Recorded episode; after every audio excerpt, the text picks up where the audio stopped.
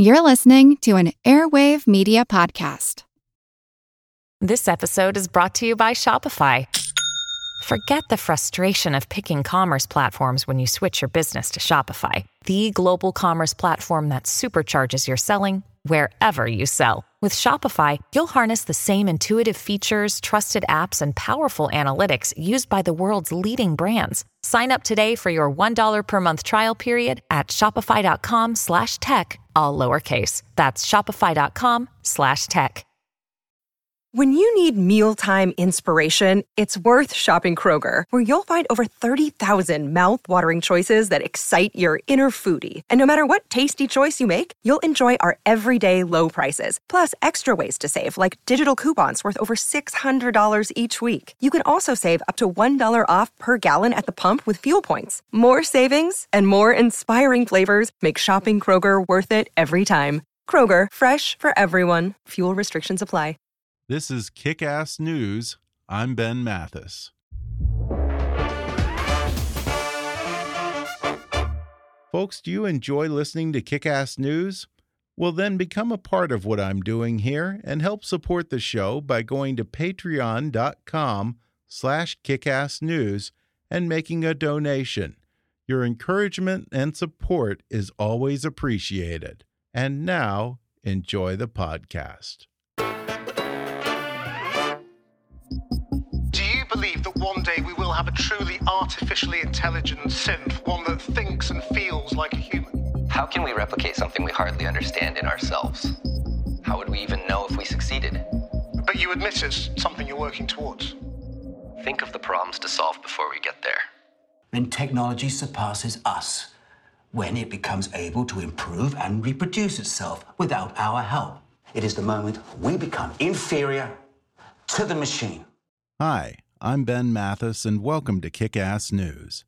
That was from the AMC show Humans, a television drama set in a parallel present in which people live and work alongside artificially intelligent humanoid robots known as synthetic humans or synths, who eventually develop human like consciousness. The show takes neither a utopian nor dystopian view of artificial intelligence.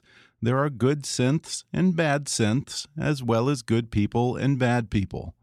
In contrast to the typical alarmist portrayals, Humans challenges viewers to start thinking about the kind of questions that we may one day have to face in a world with AI, from regulatory and safety matters to deeper subjects of morality and the very nature of humanity itself. Today, in part two of my podcast on the potential and peril of artificial intelligence, I'll talk with the creators of AMC's Humans, Sam Vincent and Jonathan Brackley. We'll discuss why AI has become such a popular theme in recent movies and television, what the singularity might be like from the perspective of a conscious AI, and whether a machine that thinks and feels like a human being should then be entitled to human rights. Sam and John will also reveal whether they would let an AI live in their homes and take care of their families. Then I'll talk with two men who warn that humankind may be sowing the seeds of its own destruction if we don't approach AI with a great deal of caution. Dr. Seth Baum is the executive director of the Global Catastrophic Risk Institute, a think tank that analyzes risks to the survival of human civilization in order to develop the best ways to confront humanity's gravest threats. He's actually mapped out a risk model for an artificial intelligence disaster, and he'll explain several scenarios for how it could play out and where we can take preventative measures before the technology gets out of our hands. He'll also talk about how AI plays into more traditional existential threats like a nuclear disaster or a pandemic. We talk about the danger of AI falling into the hands of hackers and rogue nations, and we discuss the more near term issue of lethal autonomous weapons. And finally, I'll talk with the man who's become perhaps the most prominent thought leader in the discussion of artificial intelligence, Professor Nick Bostrom. He teaches philosophy at Oxford University, where he founded the Oxford Martin program on the impacts of future technology, and he currently serves as the founding director of the Future of Humanity Institute. He's also a best selling author and a much sought after speaker who warns that the singularity could come much faster than we think, and it might take multiple generations to prevent a catastrophe. So he says we'd better start right now. He'll outline ideas for the best ways to get AI to work with humans, not against us. He'll talk about how well Silicon Valley has received his message and why science fiction may be undermining the more serious debate over artificial intelligence when we take a long view of where all of this could lead in today's part two on AI, coming up in just a moment.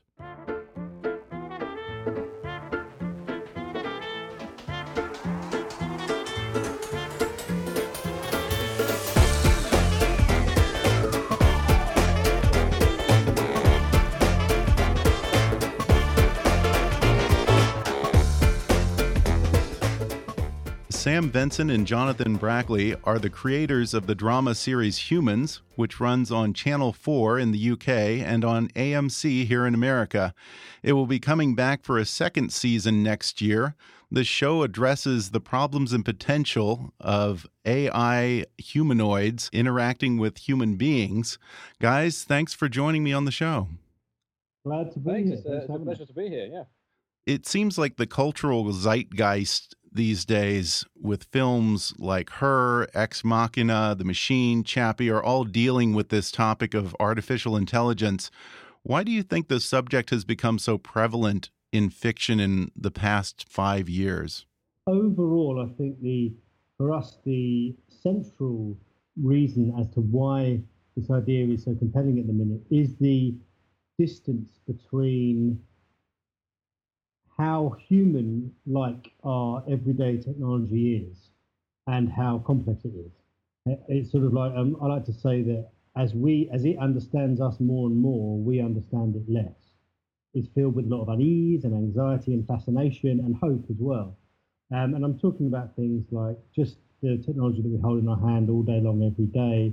Its interface is getting ever more intuitive, ever more colloquial, conversational, and the way we use it to conduct so many aspects of our lives, the our emotional lives, our personal lives, our relationships, to dating sites and um, our own how we construct our own identities and social media, and we do it all through this portal of technology, which is ever more intuitive and human-like and friendly seeming, even if it's just you know when it's things like Siri and Cortana, um, and yet it's ever more complex and powerful, and we have less and less and less of an idea how to possibly engineer it. You know, the average person on the street has no idea how their phone works, and yet they are completely dependent on it.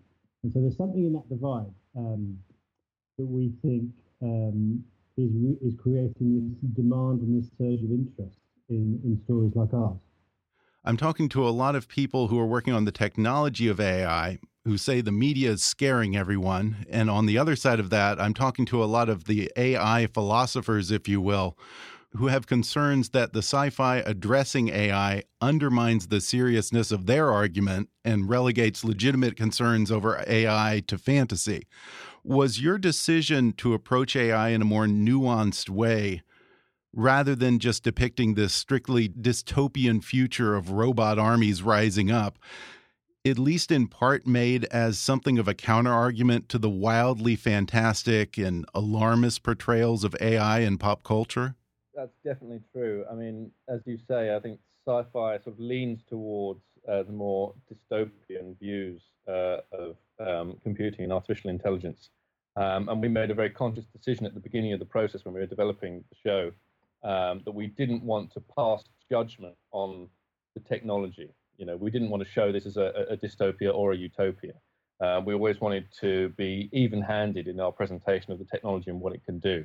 So we wanted to represent um, the good sides um, as well as the bad sides of, of, of this technology. Um, that seemed like the most interesting and responsible thing to do. Um, I mean, obviously, the media stories um, that sort of catch the attention are always going to be the ones predicting doom and the rise of the robots, uh, and we're all going to be uh, enslaved by the machines. Um, but I think, in actual fact, um, you know, we we we really don't know what's going to happen.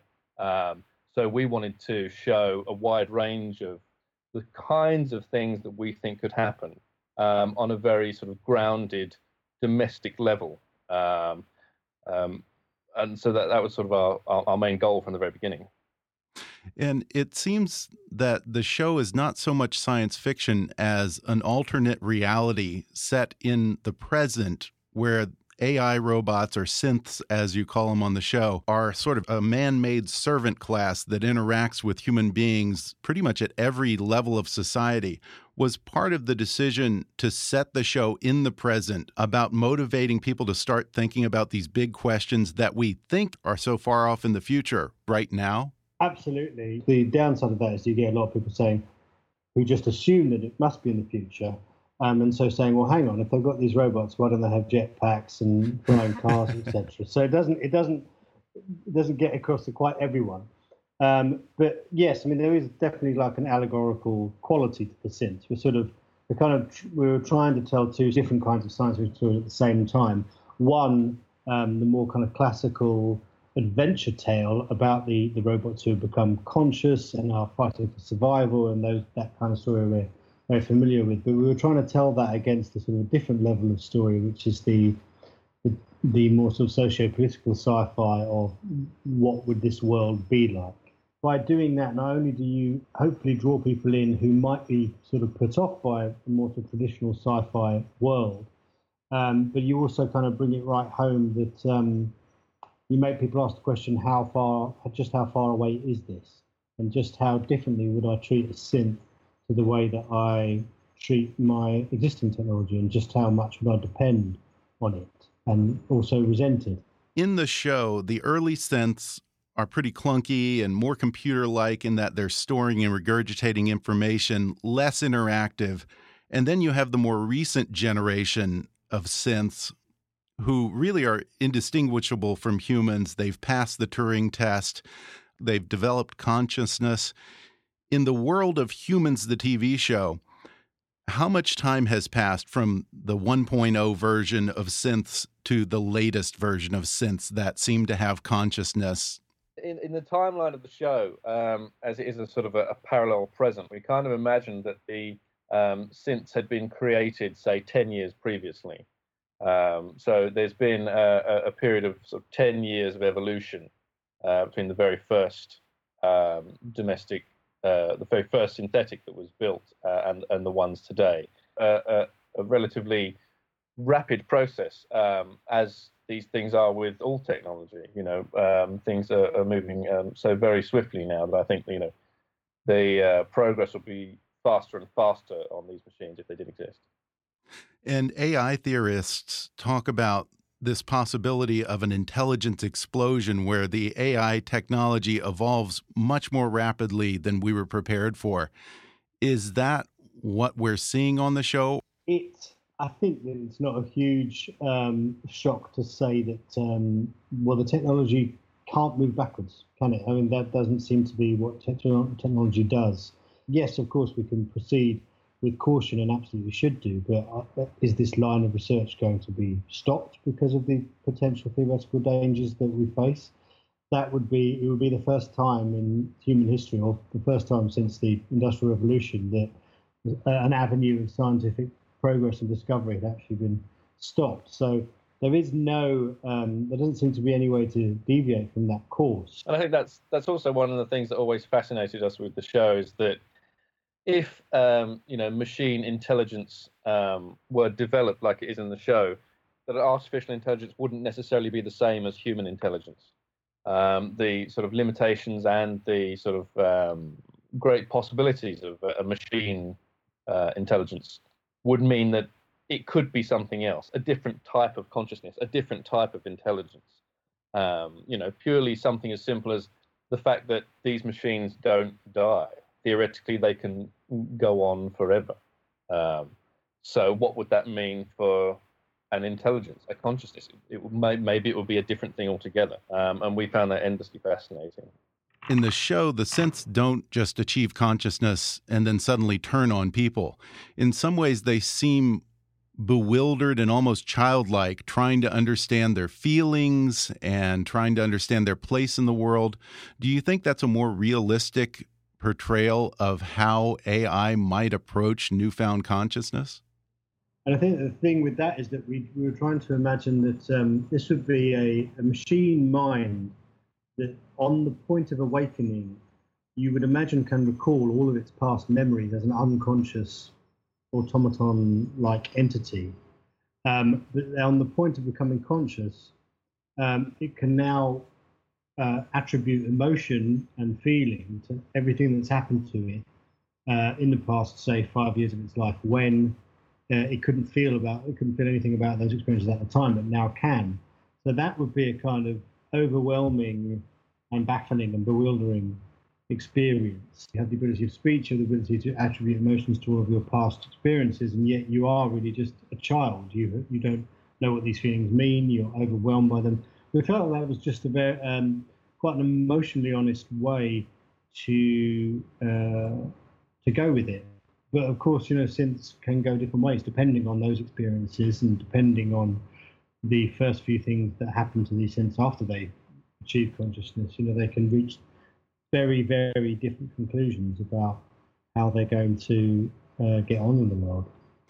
Yeah, and it seems like the personalities of synths in the show develop very much like humans do, in that if you have a machine that is taking in data and then performing based mm -hmm. on that data. If you have a machine that's abused, like the character of Niska, then that's probably going to inform their actions down the road.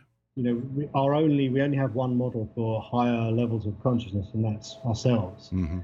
So we thought, you know, we had to really think. Well, we just have to think what would happen to a human, but a human with an extraordinarily sort of structured mind and a very unusual outlook on the world. But we do think largely of the synths that um, become conscious as we, we now have to treat them as human characters, albeit ones with extraordinary abilities and also extraordinary limitations. Um, so that's how we approach it, really. And that's, of course, how you connect um, these characters to the audience. And really, there's no other way to think about it because it kind of just sends you into a philosophical cul-de-sac. Well, yeah, and it also it does speak to the limits of human beings in that we still don't really understand how human emotions work entirely. We don't necessarily understand what the conscience is, what the soul is, if there is a soul. So it does seem that there would be a danger in creating technology that has consciousness but not a conscience. Can you have consciousness without a conscience? I mean, you, you, a psychopath is conscious, but arguably does not have a conscience. We talked about that in a lot of a lot in series one, and the, the character of Max, um, who is characterized as an extremely kind of morally good um, entity, although he is a synth. And um, another character, Leo, says that he's more human. He has more humanity. Has an essential kind of characteristic a conscious machine that um, felt a lot of empathy and could understand other beings and sympathize with them and sort of felt their pain could arguably said to be more human than a, um, a very severe clinically diagnosed psychopath who simply, you know, could hurt and kill other living things and never feel um, anything about it. So that was kind of one of the principles we had. That humanity was sort of like this sort of scale, and all of our characters kind of be, could be plotted on it, whether they were human or synth. Now, if we invent these machines and we treat them as property, but then they develop a consciousness, do we then have a duty to treat that technology as an equal or at least as an entity that's entitled to some sort of rights? Because I think that's something that you're addressing in the show. What alternative do you have? If you can create um, a machine, albeit you know a synthetic being, if it is sentient, um, if it can think for itself, it can understand what's going on, it can um, it can affect the world around it. There seems to us, certainly, you know, uh, morally, to be no other option than to uh, award it rights. Well, yeah, and awarding it rights or treating it as an equal might be the key to our survival because we're dealing with the technology we can't control. Trying to threaten it or, or trying to eliminate it if it gets out of our hands might not be the right way to approach it. Absolutely, but undeniably, you know, if we if we take our sort of fictional scenario, what are the things that you want viewers to be thinking about with regard to AI as they watch this show? We we are not AI scientists, but what we are is incredibly interested storytellers trying to tell a story that kind of encircles as many aspects of this topic as we can. And so we just want to, you know, we want our story to illuminate um, all of the possibilities, good and bad, of what a world is going to be like as this technology race is called, as it is undoubtedly doing. But you know, we above all, we want them to um, enjoy it and think it's a jolly good yarn. I know that you guys get this question all the time, but would you guys let a synth live and work in your home? I have always said that I would. You know, aside from the fact it could do a, a great many things um, in in my life that I find terribly tedious and laborious. Aside from that fact, it would just be too interesting not to have one. Uh, but I know Sam has a different opinion. Last year, when we got asked this question, um, I said no. At the time, my son, who's still very young, was, was very, very young. And I pictured um, a synth with those cold green eyes and that placid smile, changing his nappy and looking down at him. And I just thought that that must muck up human relations at some deep level when you're trying to kind of create a bond um, putting in something that looks human. The child is going to be looking for all those kind of subconscious, yeah. tiny signifiers of emotion and connection and warmth and humanity, and they're just not going to be there. But now I feel a lot more relaxed about it, and I don't know why. I think yeah. maybe it's something to do with um, watching my own children's just naturally treat technology as just part of their lives. But yes, now I think I'm, I'm a lot more. I'm not quite going to say yes, but I'd certainly be a lot more open to it. And if I lived alone or it was just me and my wife, I would have two or three. I'd have a spare. Well, again, the show is called Humans. It airs on Channel 4 in the UK, and it will return for a second season here in the US on AMC in early 2017. Sam Vincent and Jonathan Brackley, thanks for talking to me about it. Thank you very much. Thank Great you very much. You. We're going to take a quick break, and then when I come back, I'll talk with Dr. Seth Baum and Professor Nick Bostrom, who are expressing serious concerns that machines, if left unchecked, could pose the greatest threat in human history. When we come back in just a moment. Hey, folks, do you like reading but find it's getting harder and harder to make time to curl up with a good book? Well, there's a solution. Give audiobooks a try. They're perfect for your commute to work or working out at the gym, a relaxing bath, or any time, really.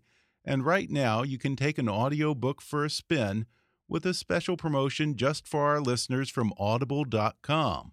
Just go to audibletrial.com slash kickassnews to get a free 30-day trial and download any of Audible's 180,000 titles entirely for free. That's audibletrial.com slash kickassnews or click on the sponsor link on our webpage to download the free audiobook of your choice. And now back to the show. I'm talking with Seth Baum, co founder and executive director of the Global Catastrophic Risk Institute, which focuses on addressing the kind of threats that have the potential to harm or even destroy human existence on a global scale. Seth, thanks for talking to me. Thanks for having me. Well, with a job description like that, do you have any trouble falling asleep at night? it's a question that comes up a lot. And you know, on a day to day basis, it just becomes another job. So you're not on, you know, 12 different types of antidepressants or anything, are you? No, no. Okay.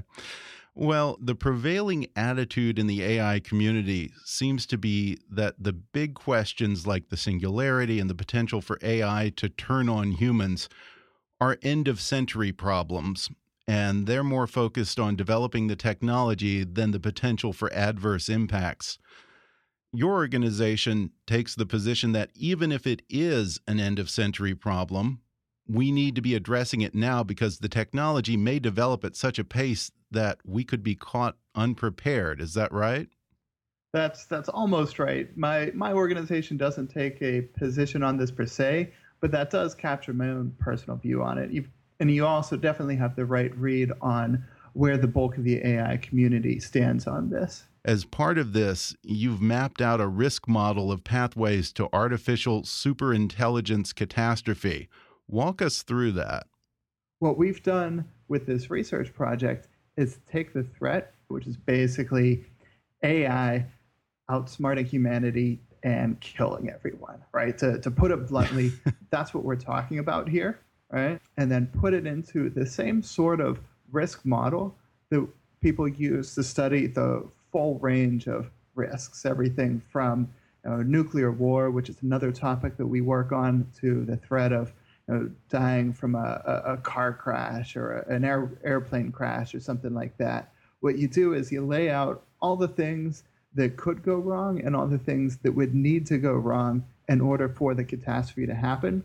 By mapping that out, you can get a better sense for what sorts of scenarios, catastrophe scenarios, are more likely to occur, and then also where you can intervene throughout that process to prevent the catastrophe from happening. And this breaks down into two possibilities. Either the AI just up and decides it doesn't need humans anymore, or it's simply a glitch in the system or a mistake, right? Or, or it perhaps even acts uh, too logically. It's like the, the genie in the bottle, right? If you've seen the movie Aladdin, the, the genie stories, they're all about unintended consequences. You make a wish to the genie, and it gives you exactly that, even if in retrospect that turns out to be something that you really didn't want after all.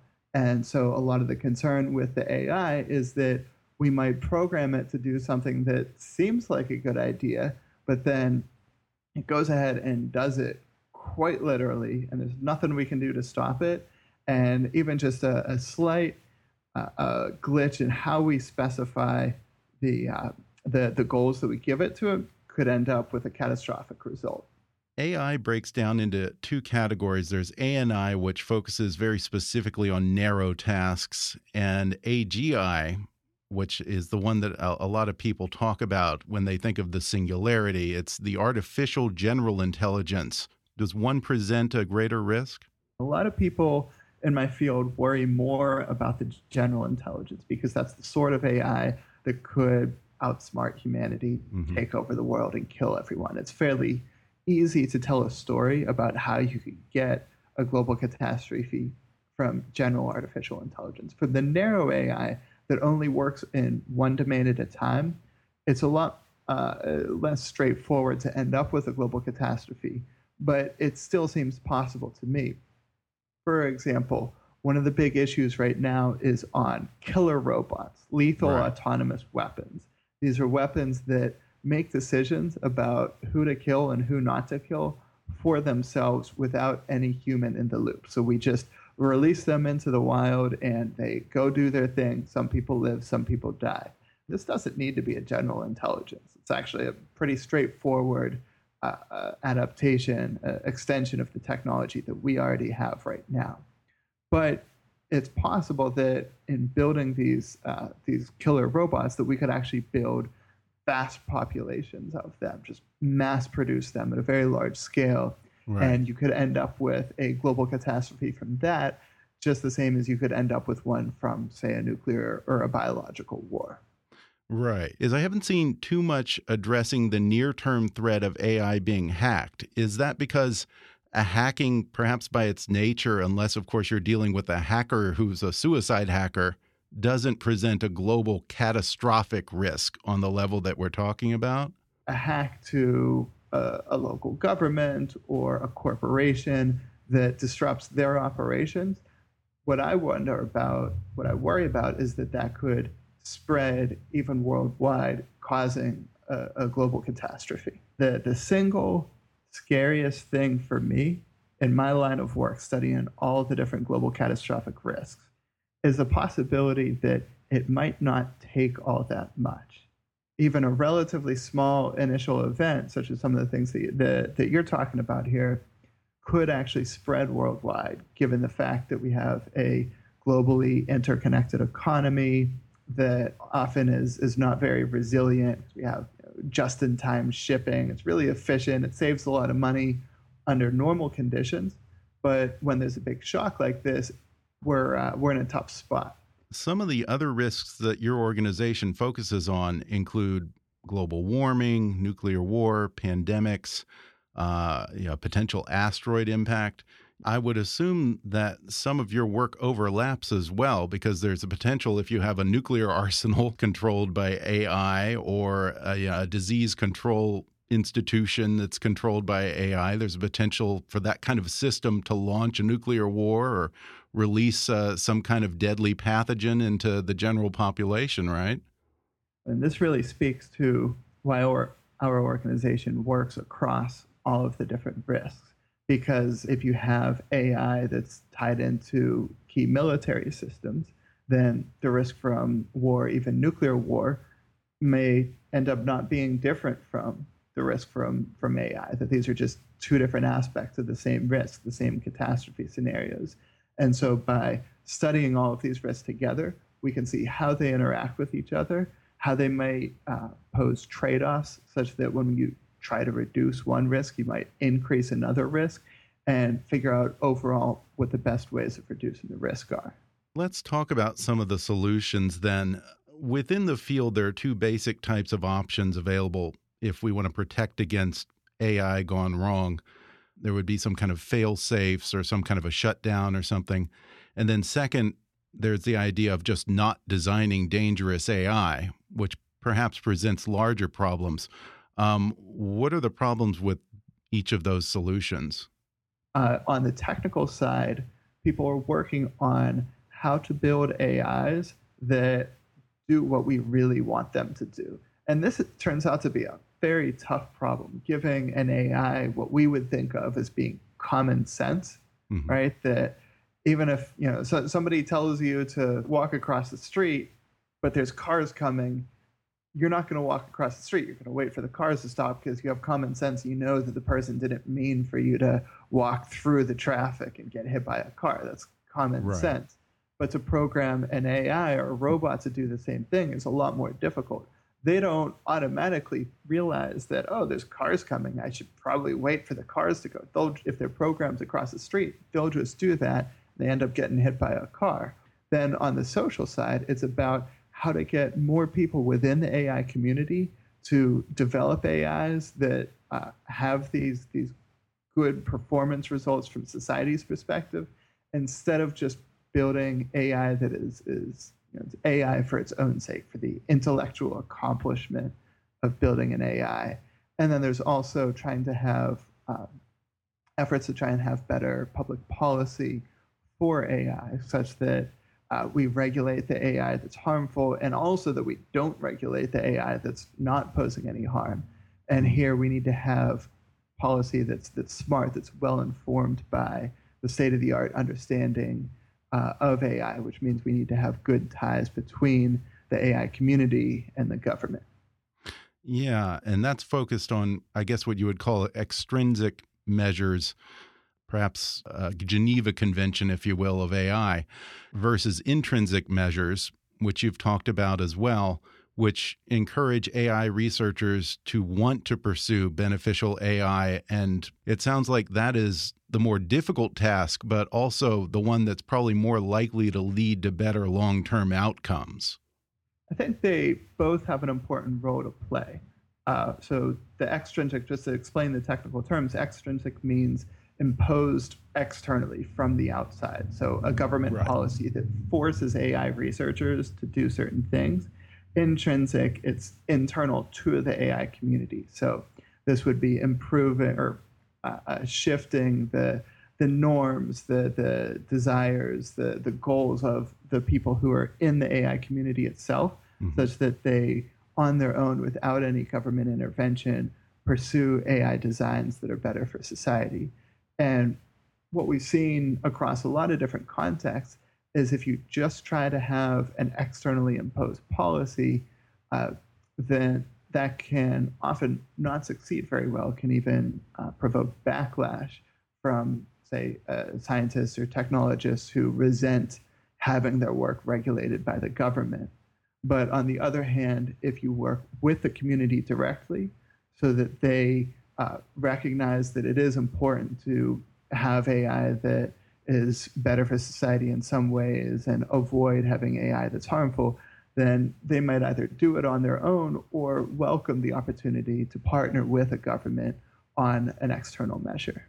Yeah, but that seems like a complicated task because you're talking about changing attitudes and uh, I guess almost creating a whole philosophy around it.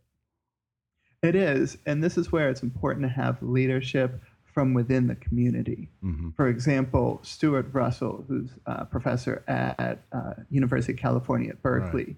he's a, a, veteran, very distinguished AI researcher, one of the real leaders of the field, and he's been very vocal about shifting the norms of the AI field so that it's less focused on building AI for its own sake and more focused on building AI that's good for society. When it's coming from someone like him, the, the message just carries more. It has more resonance. It means more to the people in the field. And so empowering people like Stuart Russell to lead these efforts can be a, a good strategy. In a technological sense, are the barriers to entry for, say, a North Korea or an Iran higher, or are they lower than they would be for them to uh, build a nuke? As the technology uh, changes, it should, all else equal, become easier for any type of actor to gain access to the top AI technology. Nuclear weapons, uh, you need uranium, you need to refine it, you need uh, uh, advanced machinery. It's a lot more difficult to build a nuclear weapon. It's a lot easier for the international community to restrict uh, a rogue actor's ability to uh, to build nuclear weapons. Right. With AI, technically all you need is a computer and maybe the people who are capable of figuring it out. Now that does create some opportunity for the international community to engage in monitoring and arms control, if you will, for AI, because you're more likely to be able to restrict access to certain types of AI researchers. So, right now, if North Korea was to start up a, a crash program on AI, the rest of the world would probably know about it because we would notice them engaging with the, the AI communities. It's harder to do that in secret. And so that's why we can be pretty confident that North Korea is not doing this right now because the AI communities are not reporting any activity like that from North Korea. Do you still feel at this point that the benefits outweigh the risk? It depends on the AI. I do think that there are certain lines of AI that either shouldn't be pursued or should be pursued differently. Uh, certainly, any AI research that is focused on building uh, this sort of general AI that could be this catastrophic, uh, we should not be focused on building that AI per se. We should be focused on how to build that safely if we even want to build it at all. And we might decide that we never want to build it at all just because the risks do not outweigh the benefits. Um, but there are plenty of other types of AI that should be very good for society. Uh, and that's most of the AI that is being worked on right now. And so, for the most part, we should continue to develop AI. We should just make sure to align the whole field with the interests of society and not with the interests of individual AI developers or uh, just trying to build AI for its own sake because we like the intellectual challenge. You know, in the 60s, there was a lot of buzz around AI with the movie 2001 and, you know, the HAL 9000. But then it seems to me that it died down for a few decades until very recently, when suddenly artificial intelligence seems to be a regular theme in our films, our television, literature. And I can't go on a news site without seeing some story about AI or killer robots just about every day. My question to you, Seth, is after decades of dormancy, why has this become such a hot subject again? There's there's two reasons for that. Uh, one is that in the last few years there have been some big breakthroughs with AI, mm -hmm. especially related to deep learning, uh, and this is what a lot of the news stories have been about and that's you know what gives us self-driving cars and things of that sort. Right. And the other is, meanwhile, the dedicated conversation about the far future general superintelligence AI has uh, taken off a bit. Uh, part of it is related to a book called Superintelligence by the authors Nick Bostrom. Right. And that sparked uh, you know, a bunch of tech celebrities spoke up, and that got its own flurry of attention. Nick Bostrom is a name that kept coming up several times in my conversations with AI experts. He's a professor of philosophy at Oxford and the founder and director of the Future of Humanity Institute. His 2014 book Superintelligence Paths, Dangers, Strategies became a surprise bestseller and drew praise from everyone from Elon Musk to Bill Gates. He's since become a highly sought after speaker and something of a rock star in the discussion of artificial intelligence. Dr. Bostrom, thanks for joining me. Uh, thanks for having me. Uh, among your many titles, you are a transhumanist philosopher, which does not mean that you wear women's clothing. It, it means, I guess, if I would sum up transhumanism, it's that technology may make human existence amazing or it may destroy us. You're not anti technology, correct? Uh, that's correct. You're excited for the potential benefits, but the potential downside is so dire and final. Do you feel that we have to err on the side of caution right now? I think we have to discriminate. Um, I think there are vast benefits from all kinds of technologies, and there is a very, very small subset of technologies that I think might pose existential risk. That is, risks that could permanently destroy the future, as opposed to risks of hiccups or local setbacks. And so, when it comes to these existential risks, I think there we do need a proactive approach. We, we can't learn from um, experience and, and claw our way back from an existential catastrophe. We have to get it right on the first try. In your book, Superintelligence, you use gorillas and humans as a useful analogy for how the human AI relationship might play out. Could you briefly explain that? Although gorillas are much stronger than we humans are, now the fate of the gorillas depend a lot more on what we do than on what the gorillas do themselves, uh, because we are smarter than they are. We have developed all this kind of modern technology and such that now makes us the dominant species on this planet. And for analogous reasons, if and when we create machines that greatly exceed human intelligence, then they might be in a position to shape the future. A lot more of the public's attention is focused on threats like cyber hacking and nuclear war. But humans have always had the specter of mutually assured destruction to discourage bad actors. In the absence of controls, what line of rationale might disincentivize a super intelligent technology from taking deliberate actions to harm or destroy humanity? Well, so that's the thing. I don't think we should be relying on um, deterrence to keep a super intelligence in line. I think it would be better to build a super intelligence in the first place in such a way that it shared our values, that it was on our side. Um, and so then uh, the more capable it became, uh, the better it would be for us because it would be trying to achieve the same things that we were trying to achieve. So in, in this case, there would be a scenario where the machine views its own self-interest and the survival of humans as mutually intertwined?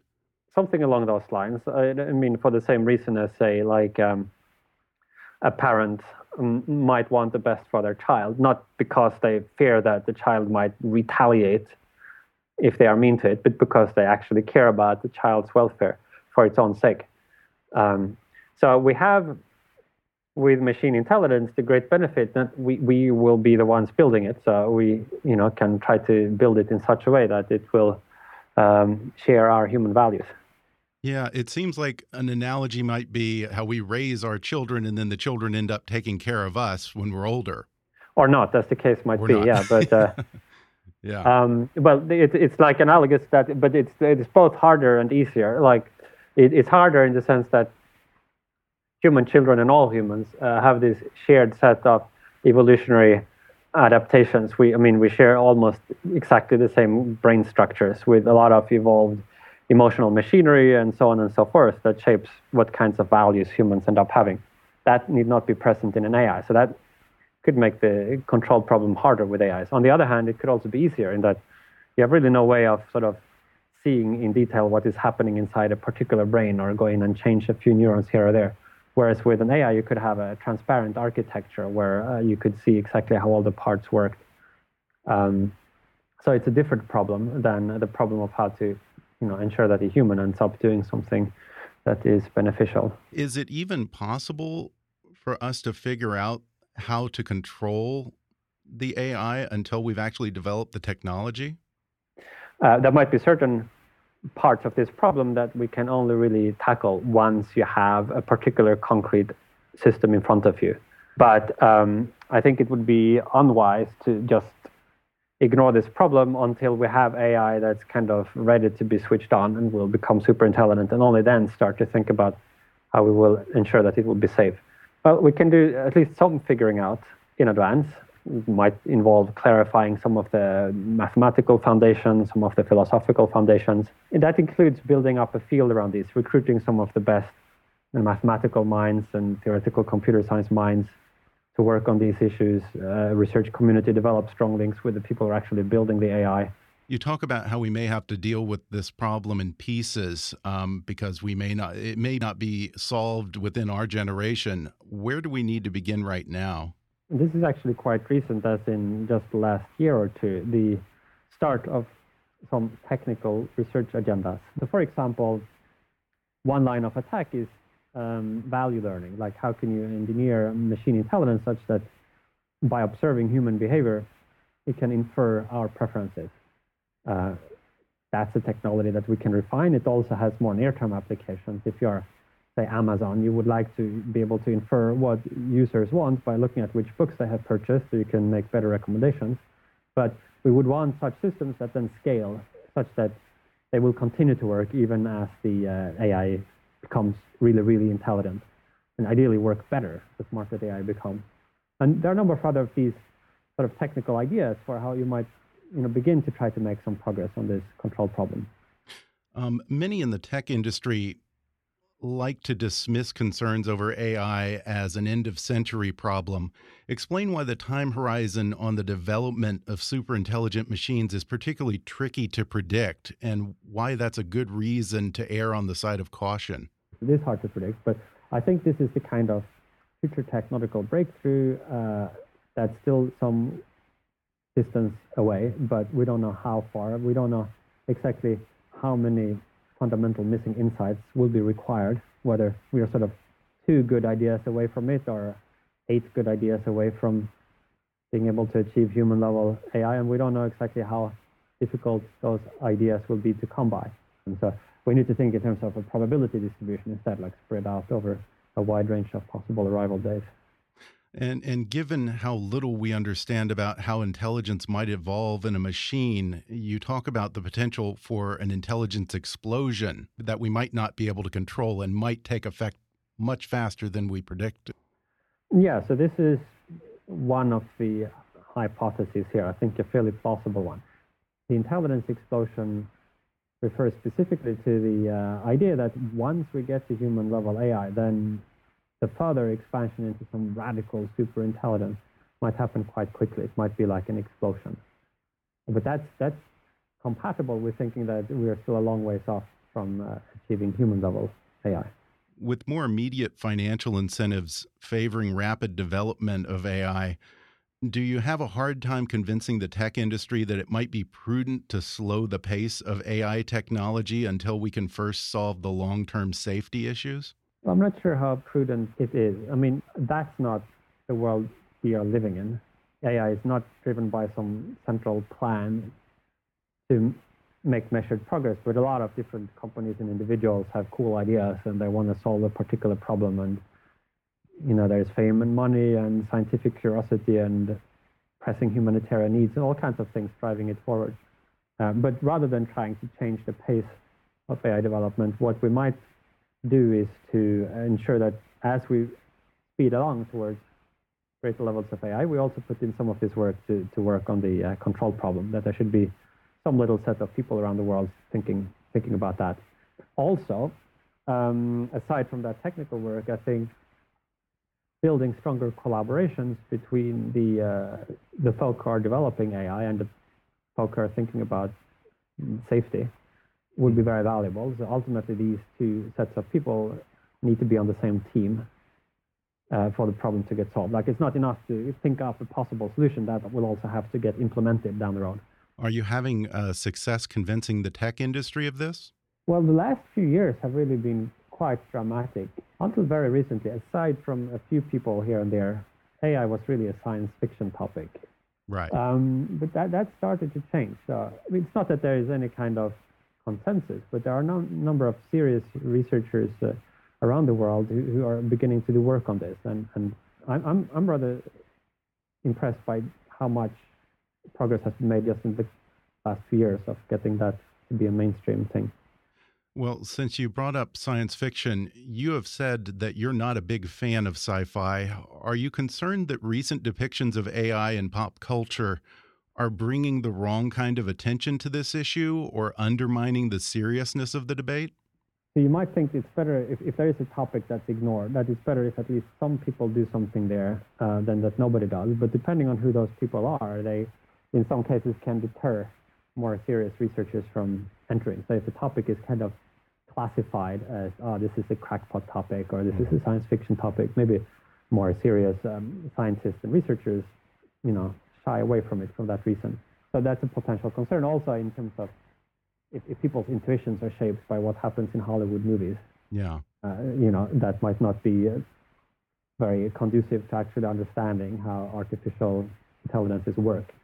Uh, that being said, I mean, I don't want to be too down. I think also good science fiction can open up mental horizons, shake things loose a little bit, you know, um, stimulate thinking. Um, and a lot of my colleagues certainly are deep into sci-fi and find that uh, source of inspiration. In your book, Superintelligence, you admit that it's entirely possible that you're wrong about many of these things, and maybe the solution to preventing a disaster at the hand of AI will end up being quite simple. So let's hope for the best and hope that yeah. that's the case. that sounds like a good idea. Nick Bostrom, thanks so much for talking to me. Yeah, thanks for talking to me. Thanks again to Professor Nick Bostrom, Dr. Seth Baum, Sam Vincent, and Jonathan Brackley for coming on the show. I'll include Amazon links for Nick Bostrom's book Superintelligence in the show notes for this episode and on our website.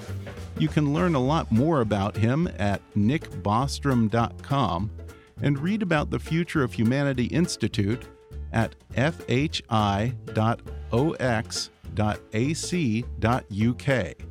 He's not on Twitter, but you can follow the Institute at, at FHI Oxford Seth Baum's website is sethbaum.com, and you can follow him on Twitter at, at Seth Baum. Learn more about his Global Catastrophic Risk Institute at gcrinstitute.org. Follow Sam Vincent on Twitter at, at SMAVincent and Jonathan Brackley at, at Jon Brackley. That's John J O N. You can watch the first season of their show Humans on AMC On Demand or Amazon Prime, and look for the second season to air on AMC in early 2017. In the meantime, you can learn more about their show at amc.com slash shows slash humans. Be sure to subscribe to Kickass News on iTunes and leave us a review while you're there. And if you really want to help out, then donate to our GoFundMe campaign at gofundme.com slash kickassnews. Or if you prefer, you can set up a recurring monthly contribution at patreon.com slash kickassnews. You can visit Kickass News on Facebook or follow us on Twitter at, at KAPolitics. And please be sure to recommend Kickass News to all your friends on your social media. As always, I welcome your comments, questions, and suggestions at comments at kickassnewspodcast.com. But for now, I'm Ben Mathis, and thanks for listening to Kickass News.